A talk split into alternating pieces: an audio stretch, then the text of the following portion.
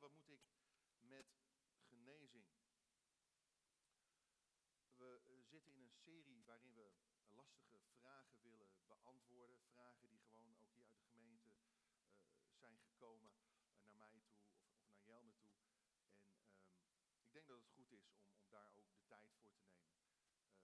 We gaan ook de prediking ondersteunen met, met een, een getuigenis van Julia Molenaar. zij heeft ook iets ernstigs meegemaakt in haar leven, verschillende dingen. Maar met name heeft ze een, een, boek ook geschreven over kanker. ze heeft kanker gehad en ze zal daar ook het een en ander over gaan vertellen. Zodat het niet alleen maar een stuk theorie is. Um, ja, vorige week hebben we natuurlijk gesproken over de doop in de Heilige Geest. Wat moet ik daar nu mee? We kunnen ondergedompeld worden in de Heilige Geest. Niet alleen in water, heel belangrijk. Ook als je nog niet die bewuste doop bent ondergaan, hebt ondergaan. Meld je nog aan voor Pasen. is echt fantastisch om, om dat ook te bevestigen. Je keuze voor God, je wandel met God. Maar de doop met de Heilige Geest bekleedt ons met kracht. Met kracht uit den hoge, staat er in, in handelingen. En um, de doop met de Heilige Geest is bedoeld om ons effectief te maken in ons getuigenis hier op aarde. Het maakt mij niet beter dan jou, het maakt mij beter dan ik ben. En we lezen ook in Handelingen 2, vers 4, lees u mee. En de discipelen werden alle vervuld met de Heilige Geest en begonnen te spreken in andere talen, zoals de Geest hun gaf uit te spreken. We zien hier dat het, het spreken in andere talen uh, eigenlijk een van de gevolgen is van het gedoopt worden in de geest. Niet, niet, het is niet het enige teken, want je ziet ook dat ze met vrijmoedigheid uh, gaan vertellen over wat Jezus allemaal gedaan heeft. Maar het is wel iets dat je van bovenaf ontvangt. En het is ook iets wat vragen oproept. Ook in die tijd riep dat vragen op. En ik zal je dit zeggen, een wandel met Jezus sluit bovennatuurlijke verschijnselen of elementen niet uit in je leven, maar in. Alleen wat, wat gebeurt er als je iets niet goed begrijpt, als je iets niet goed snapt, kun je een, een, reactie hebben van, van vermijden, van, van afstand houden. Een andere reactie is, is dat je dingen bespottelijk gaat maken of, of gaat uitlachen. Dat, dat gebeurde toen ook. wat je niet snapt, verwerp je of lach je uit. En we lezen in Handelingen 2, vers 12, lees je mee, de mensen snapten er helemaal niets van. Ze wisten niet wat ze ervan moesten denken. En ze vroegen aan elkaar, wat betekent dit toch allemaal? Maar anderen lachten om de gelovigen. Of ze maakten hen bespottelijk. En ze zeiden, die mensen zijn gewoon dronken. Maar Petrus, hij verhief zijn stem. De, de, degene, de apostel die Jezus eigenlijk ja, verlogende, daar gaat hij staan voor, voor duizenden mensen. En hij zegt, deze mensen zijn niet dronken, maar dit is dit is het. Dit is wat gesproken is door de profeet Joël. Ik zal mijn geest uitstorten op alle vlees. En, en, we worden later ook in de schrift opgeroepen als gelovigen om voortdurend vervuld te worden met de Heilige Geest. Het is niet een eenmalig iets, het is een, het is een procesmatig iets. Maar goed, het is wel iets, iets ook bovennatuurlijks. En, en dat kan vragen oproepen. En zo is het ook met genezing. Hoe zit het met genezing? Genees God nog steeds? Zo ja, waarom dan de een wel en de ander niet? En als Jezus onze heelmeester is, want door zijn streamen hebben we genezing ontvangen. Ik geloof dat dat met name gerelateerd is aan, vergeving van zonde. Geestelijk gezien gezond worden. Maar goed, als, als, als Jezus onze heelmeester is, waarom laat hij dan soms ziekte toe in het lichaam van een gelovige? En, en we zijn ook als gemeente een paar jaar geleden door een, een, een diep dal gegaan wat dat betreft. Een kostbare, dierbare jongeman, Ruben Bakker, hebben weer terug moeten geven, om zomaar te zeggen, aan God. En, en we hebben En, en, waarom zien we dan soms zo weinig kracht van, van God op dat gebied, op het gebied van genezing?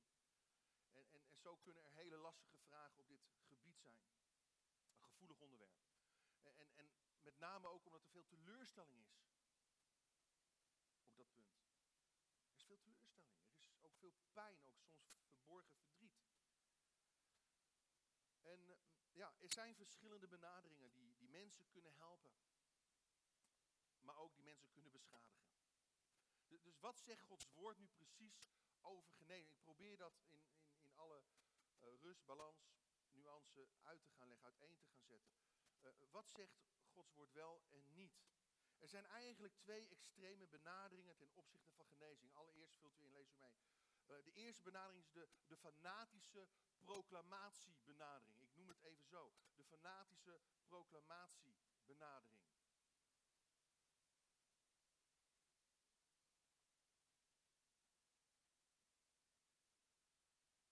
Dat is eigenlijk um, een beetje de, de, de, claim it en take it um, teaching, onderwijs. Dus als, als, als je van, van, uh, hierover, hiervan uitgaat, van, van deze benadering, dan um, ga je vanuit dat als je wat, wat je gelooft uitspreekt, dat dat dan automatisch verandert in een scheppend wonder.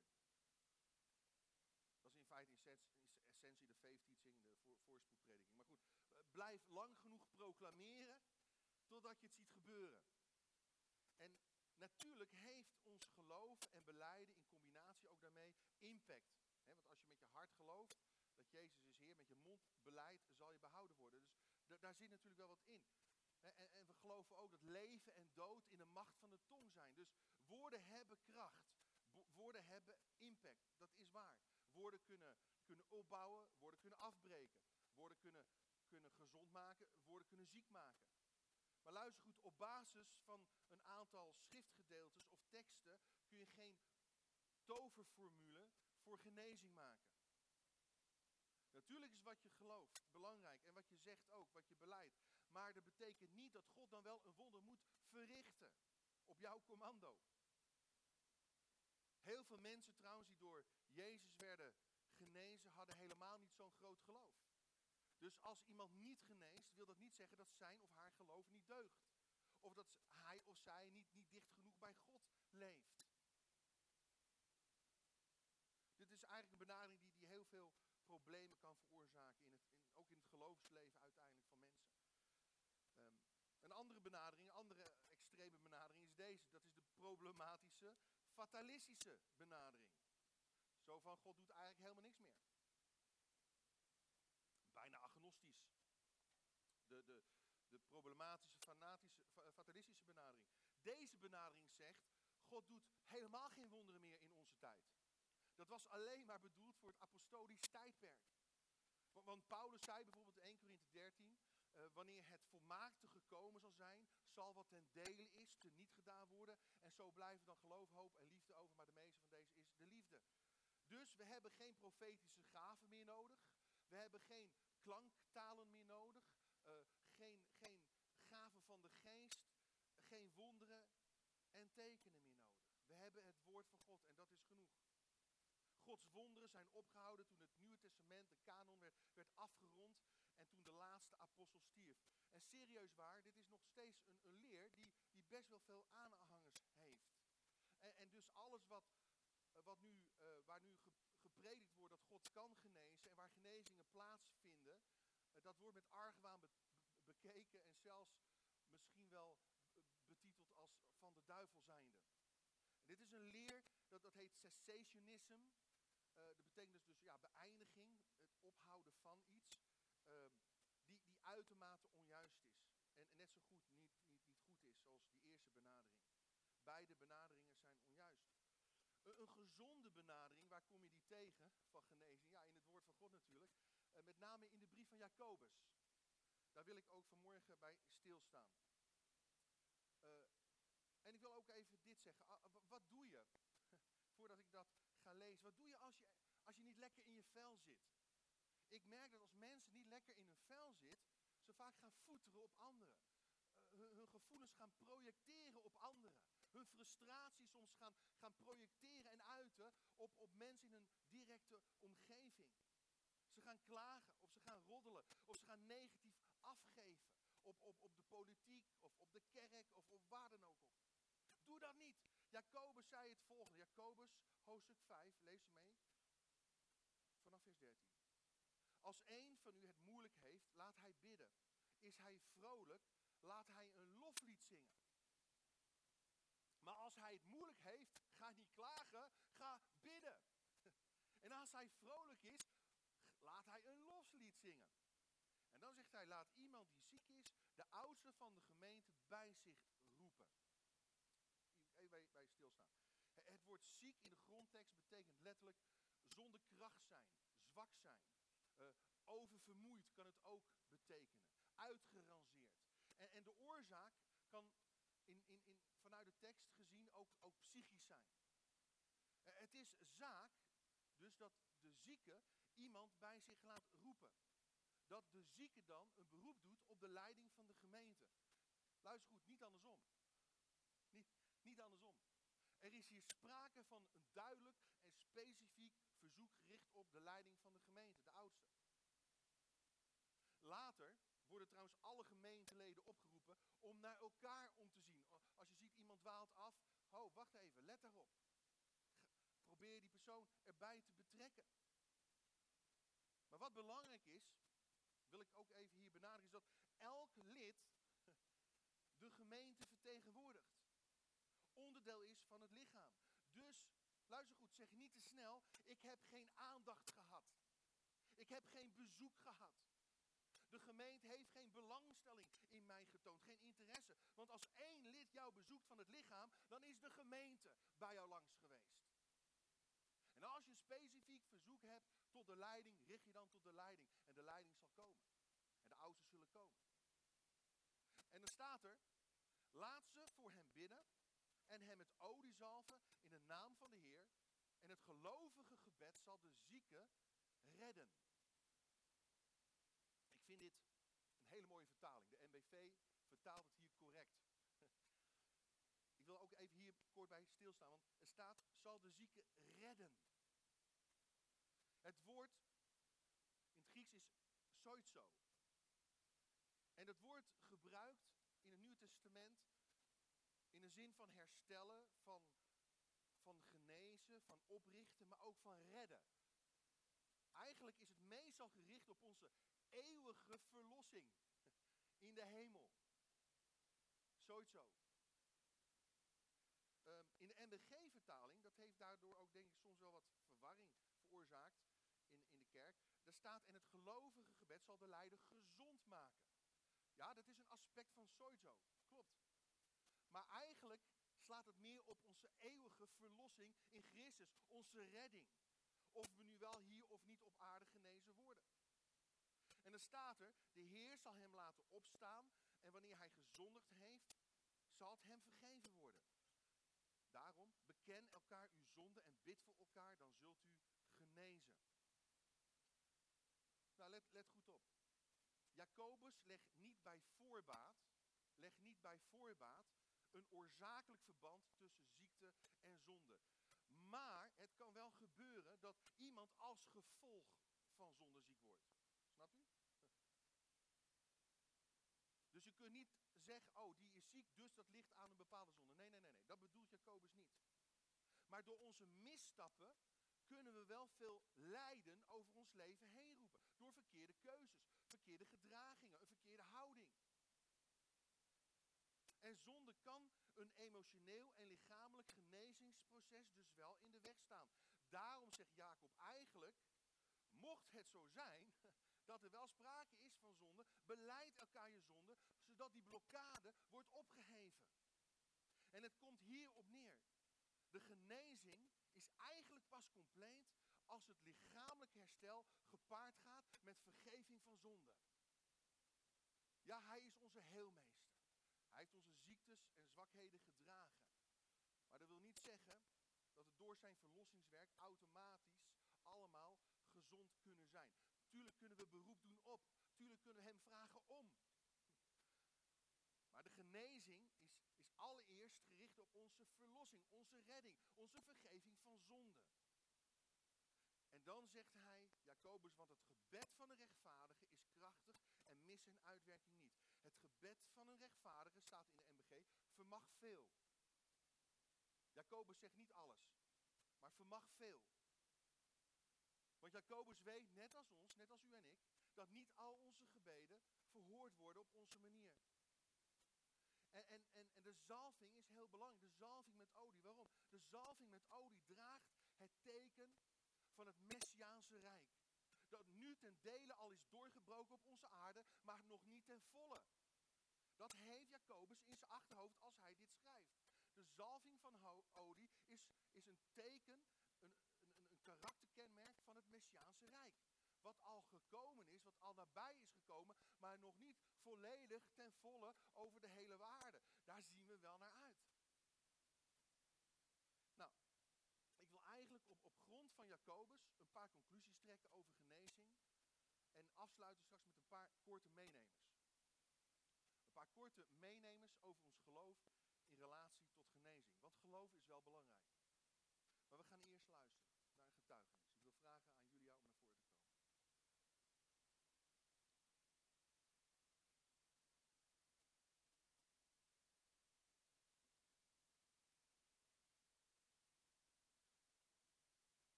ben getrouwd met Ruud, Ruud Walinga, cabaretier, die vandaag aan het optreden is. In het dagelijks leven ben ik uh, creatief therapeut, textueel hulpverlener, schrijver, spreker en van alles en nog wat. Um, ik heb een eigen praktijk en die heet Bij Jabok. En Bij Jabok gaat over de worsteling van Jacob um, met God. En worstelen met God is van, van alle eeuwen. Daarom heet mijn praktijk ook Bij de Jabok. Er mag geworsteld worden met God om uiteindelijk, net als Jacob, door het water heen, door lijden heen, je ware identiteit te ontdekken, gezegend te worden en weer in het licht te gaan staan en weer licht uit te delen. En behalve dat, wat ik net allemaal opnoemde, ben ik ook voor de medische wereld een kankerpatiënt. En voor mezelf ben ik een levenskunstenaar. Bekend met lijden, met vallen, met struikelen en met ook weer opstaan niet kapot te krijgen. Wat is mijn grootste kracht? De graftekst op de steen van mijn moeder. De dood is verslonden tot overwinning. Dat uitzicht in mijn leven als een weigeren om ellende, ziekte of dood het laatste woord te geven. Zoals licht sterker is dan duisternis. Ik ben een vechter en dat begon al jong. Mijn moeder is op 42-jarige leeftijd overleden aan borstkanker. Ik was toen acht en was ongeveer vier jaar toen het begon. Eraan vooraf ging een ziekteperiode waarvan ik het fijne niet weet. Ik weet wel van gezinsverzorgsters, van zorgen, van een moeder die wel eens ziek was, in het ziekenhuis lag, van afnemende krachten, van niet meer kunnen wat ze wilde. Mijn moeder sprak er niet over en ook na haar dood werd er niet over gesproken. Een jaar na haar overleed ook mijn zusje de genadeklap voor mijn vader. De eenzaamheid in ons gezin werd nog groter. Allen waren we alleen. Ik weet van mijn eigen angst, die ik zo rond mijn dertigste sterker ben gaan voelen. Gaat mij dit ook overkomen? Ik stond onder controle, deed uiteindelijk een DNA-test en bleek geen erfelijk gen te hebben. De hele weg van Groningen naar Leeuwarden kon ik niet anders dan huilen van opluchting. De angst was blijkbaar groter dan ik me had beseft. Maar nog geen twee jaar later bleek het toch mis te zijn, borstkanker. Op dezelfde leeftijd als mijn moeder. Zou ik ook niet ouder worden dan 42? Ik was nog nooit geopereerd, maar in de zomer van 2007 ging ik elke eerste woensdag van de maand onder het mes. Juni, juli en augustus. En daarna was het klaar. De kanker was weg en mijn borst ook. Ik hoefde geen bestraling, geen chemo, geen hormoontherapie. Ik werd dus niet kaal en kwam niet vervroegd in de overgang. Tel uw zegeningen. Vergelijk niet, tipten de mamacare verpleegkundigen gelukkig. Ik mocht rouwen om de verminking van mijn lijf. Ook daarvan moet een mens bijkomen. Ook dan kan moeheid toeslaan. We hebben het wel over kanker. Aanvankelijk wilde ik natuurlijk niet weten van vermoeidheid.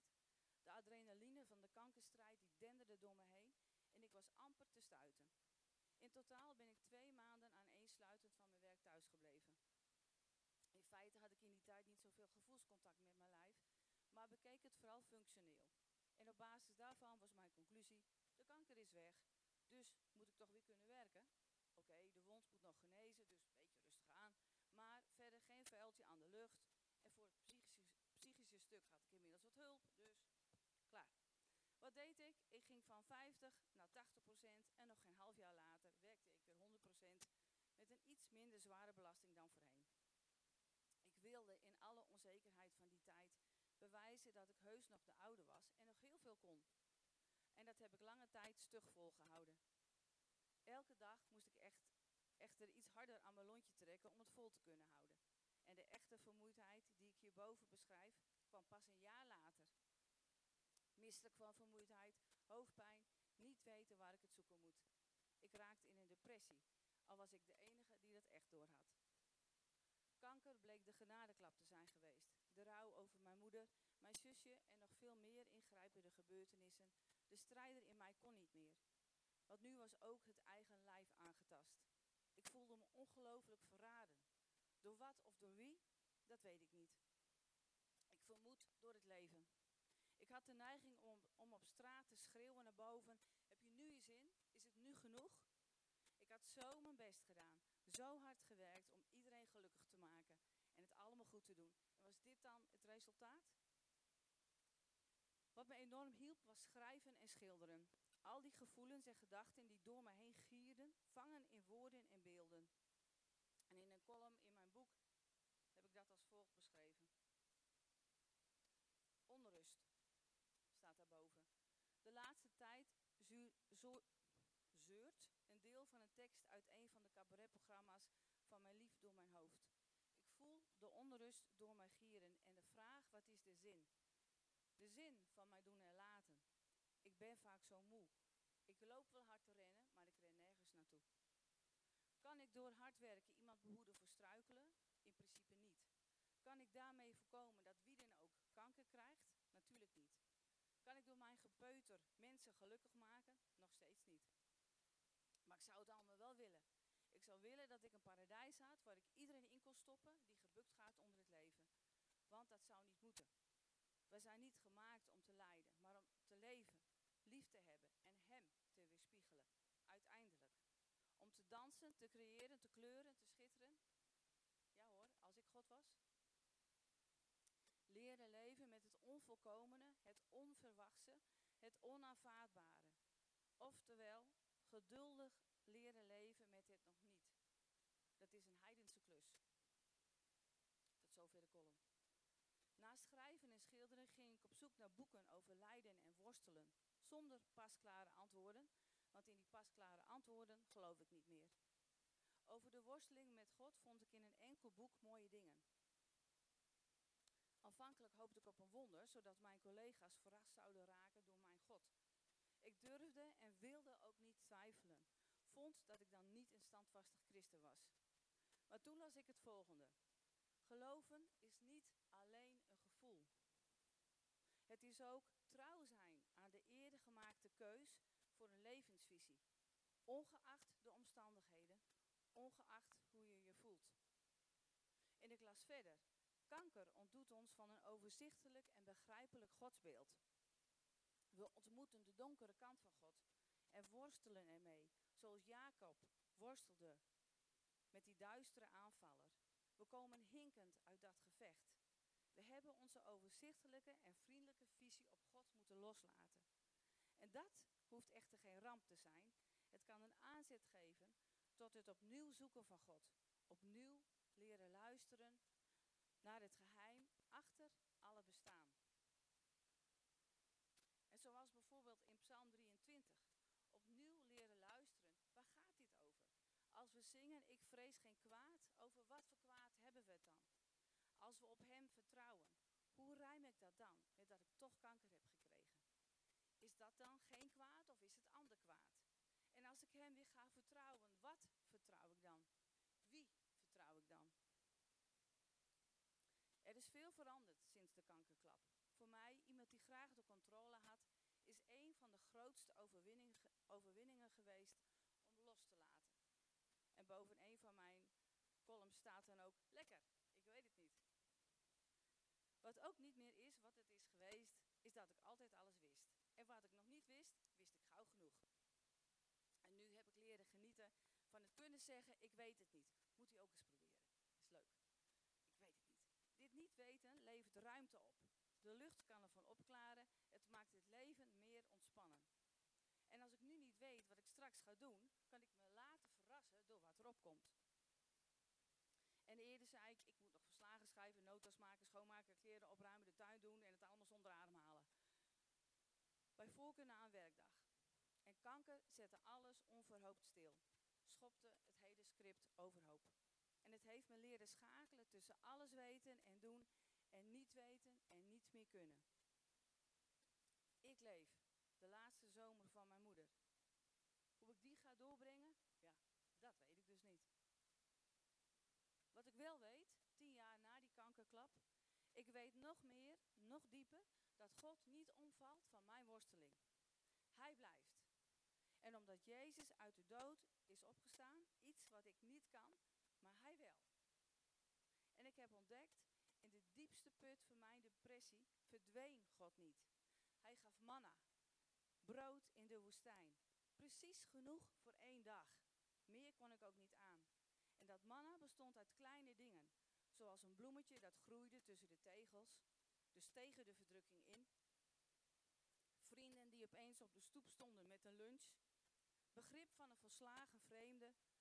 Een kreukelig zakdoekje van Ruud omdat ik weer zat te snotteren. Allemaal blijken van leven. Dat was mijn manna.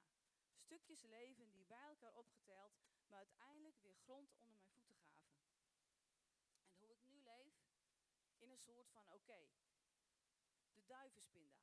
Vroeger had je een reclame van de pinda van duivis en dat zei dan, een pinda van duivis is altijd oké. En zo leef ik. In een soort van, zolang ik leef, eet ik gebakstand. En daarmee bedoel ik, ik leef, nu.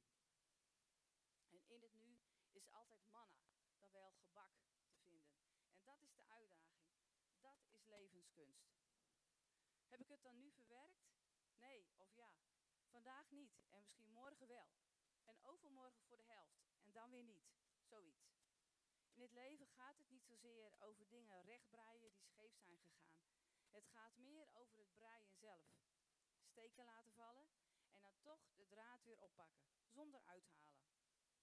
Wat uiteindelijk ontstaat is een ding dat warmte biedt aan jezelf, aan anderen, om op te zitten en te picknicken als de zon schijnt, om onder te schuilen als het koud is en om nog veel meer mee te doen wat niet beschreven staat, omdat leven niet beschreven staat.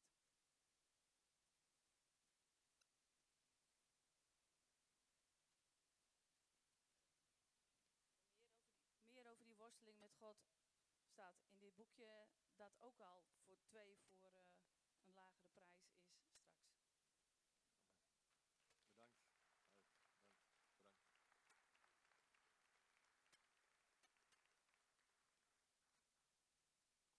Bedankt.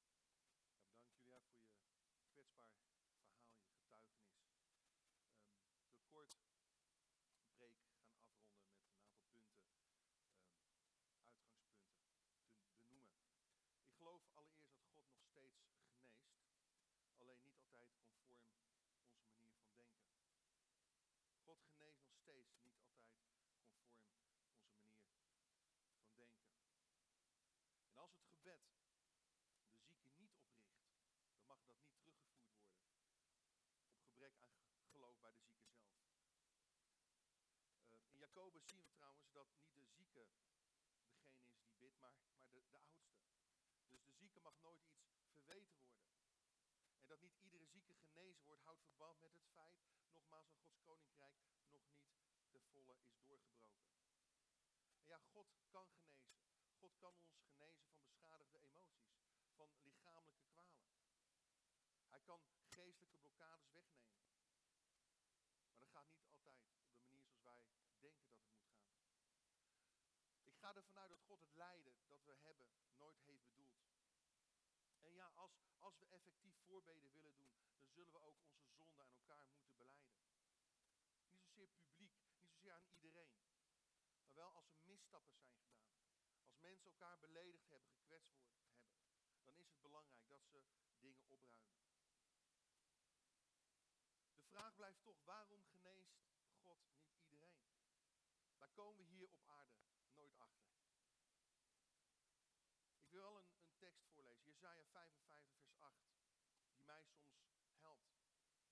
Misschien soms ook niet. Maar het is, wel, het is wel heel belangrijk dat we dit voor ogen houden. Daarin zegt God, jullie plannen zijn niet de mijne. Ik ga andere wegen dan jullie.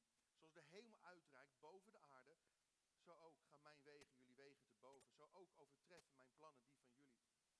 En de vraag is, kunnen we leven met de acceptatie dat onze wegen en Gods wegen niet altijd bij elkaar lijken te komen?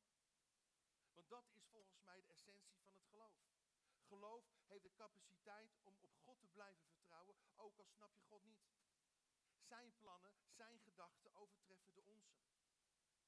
En geloof kan ook met de gedachte leven dat je op een dag alles zal begrijpen. Dat je zult, zult, zult zijn zoals Hij is.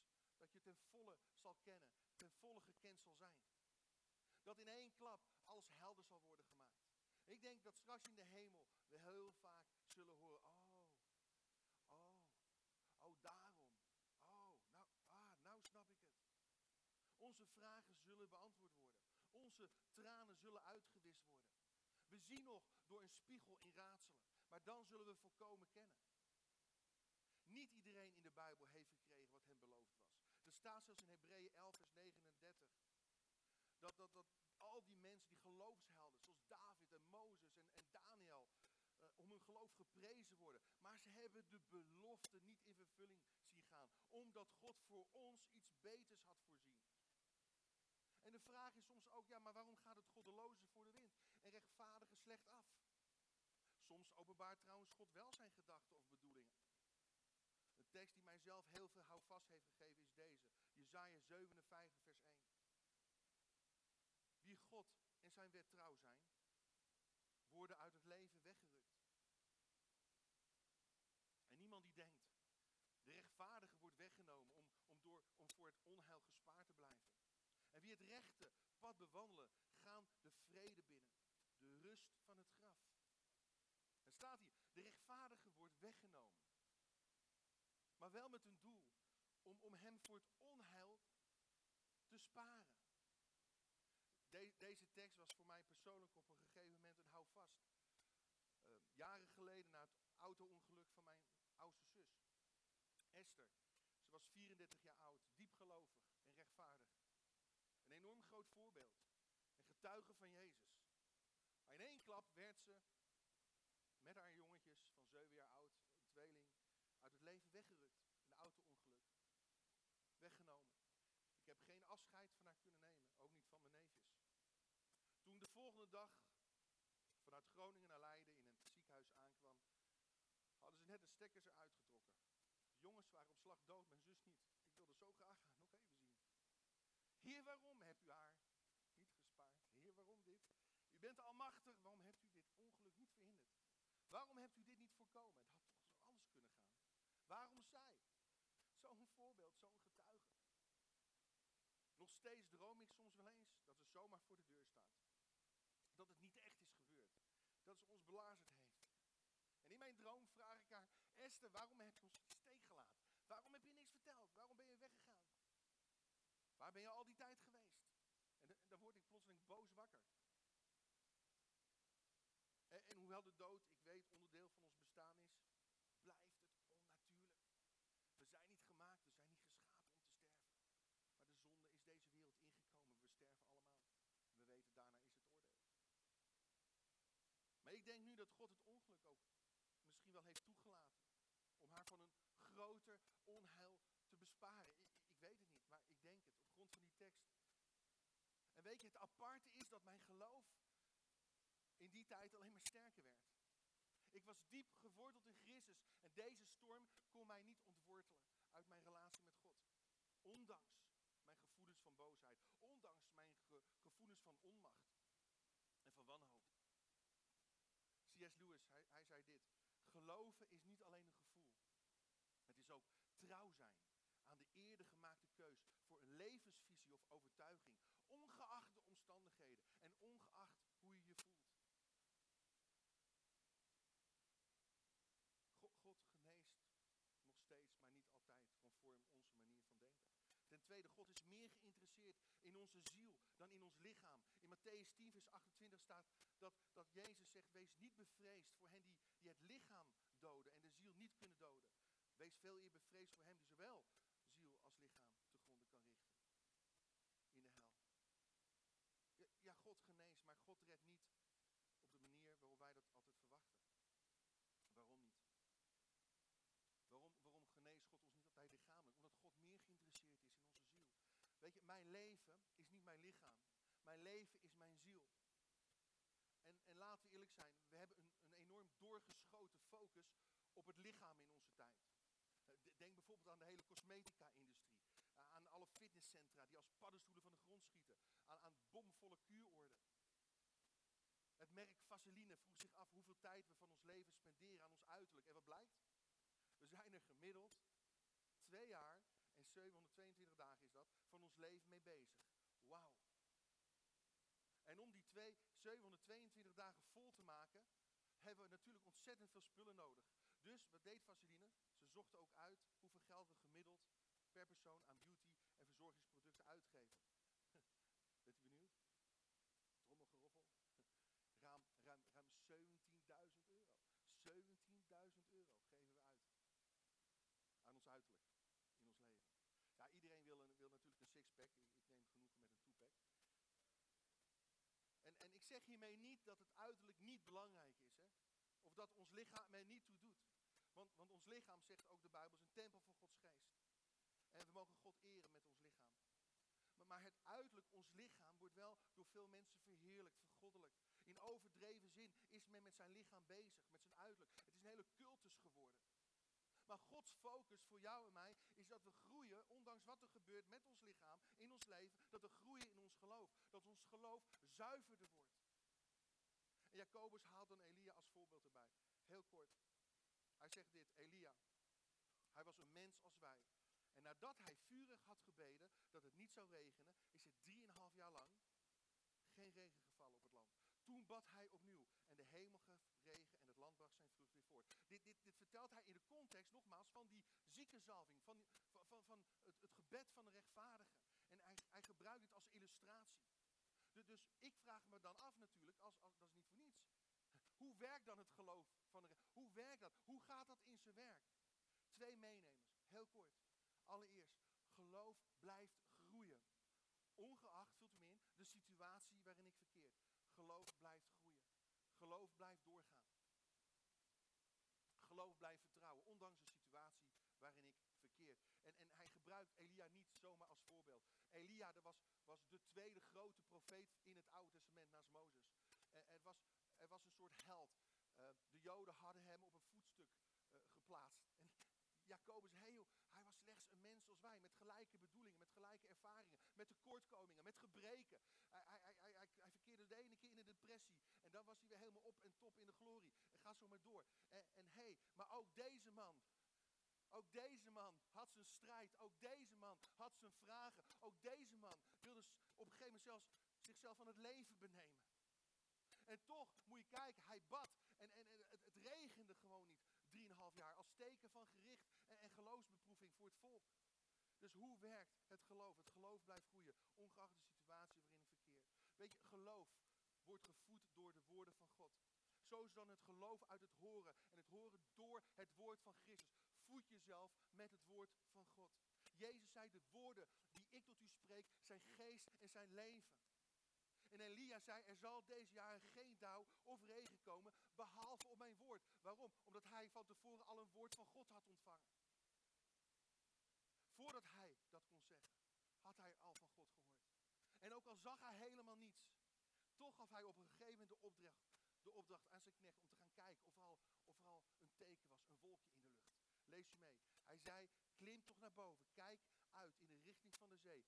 Toen klom hij naar boven, keek uit en hij zei, er is niets. Toen zei Elia, ga terug, zevenmaal. Over volharding, volharding gesproken, zevenmaal.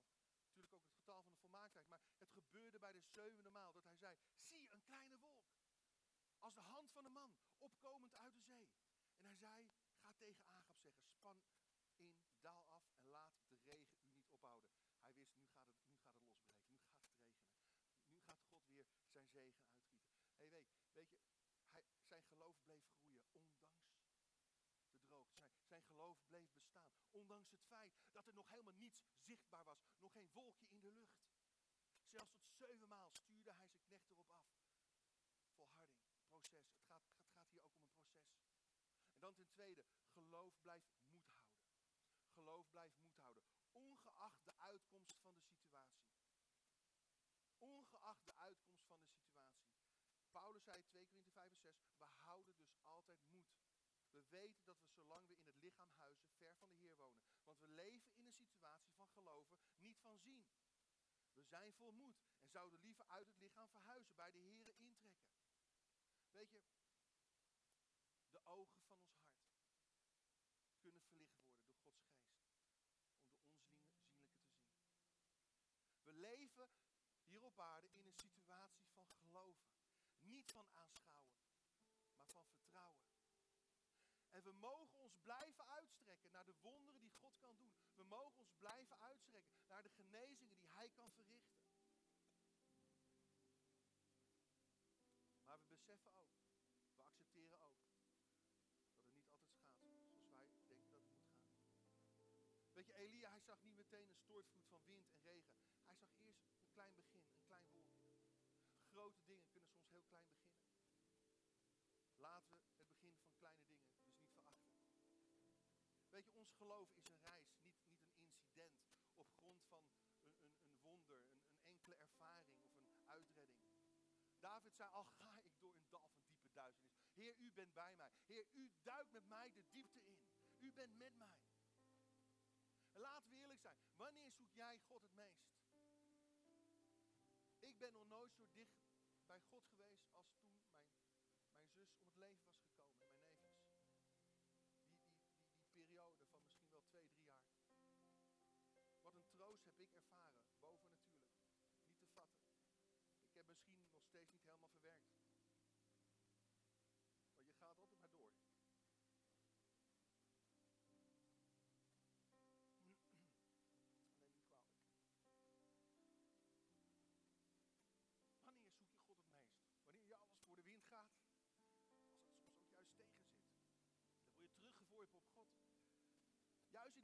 Van soms diepe pijn en wanhoop. Toen was God erbij, hoor ik zo vaak zeggen. Toen ik het zo moeilijk had, toen, ben ik gaan groeien. Toen mijn, natuurlijk, je kunt ook een andere reactie hebben. Je kunt je, je kunt je ook van God afkeren. Maar God is meer begaan over wat er in ons kan gebeuren dan met ons kan gebeuren. Accepteer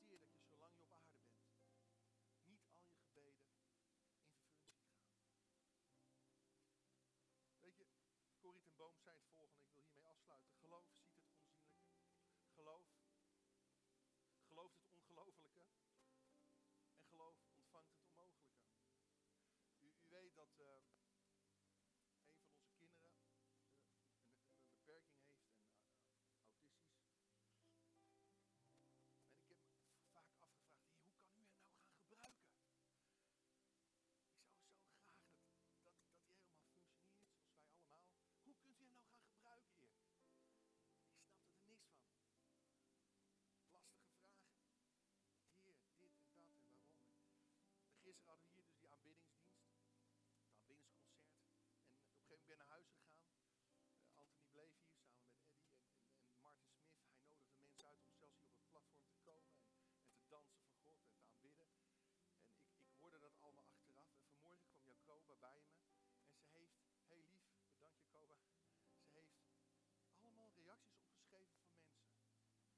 Die ze helemaal niet kenden. Allemaal reacties van mensen die dit hebben gezegd. God heeft mij door die jongen meer aangeraakt dan die hele show heeft gedaan. Hij was hier aan het dansen en aan het headbangen op zijn manier. Uh, iemand anders, die jongen heeft me geleerd vanavond om te zijn voor hem als een kind. Anthony heeft me meer beroerd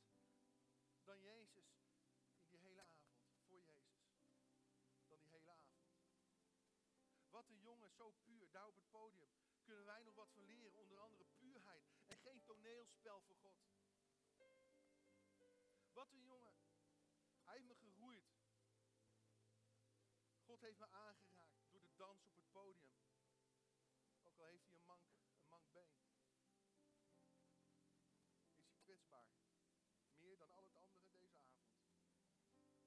Wat een jongen, één brok. Ja, ik, wil, ik weet het, de tijd. Jezus heeft me door Anthony laten zien dat ik voor hem mag zijn en komen zoals ik ben. En, en dat ik me niet anders of beter hoef voor te doen. Anthony, wat een jongen, wat een godsgeschenk. Hij leert ons in enkele minuten op het podium even waar het echt om draait. Die jongens, wauw, zo eerlijk en enthousiast. De meeste mensen zouden het wel willen,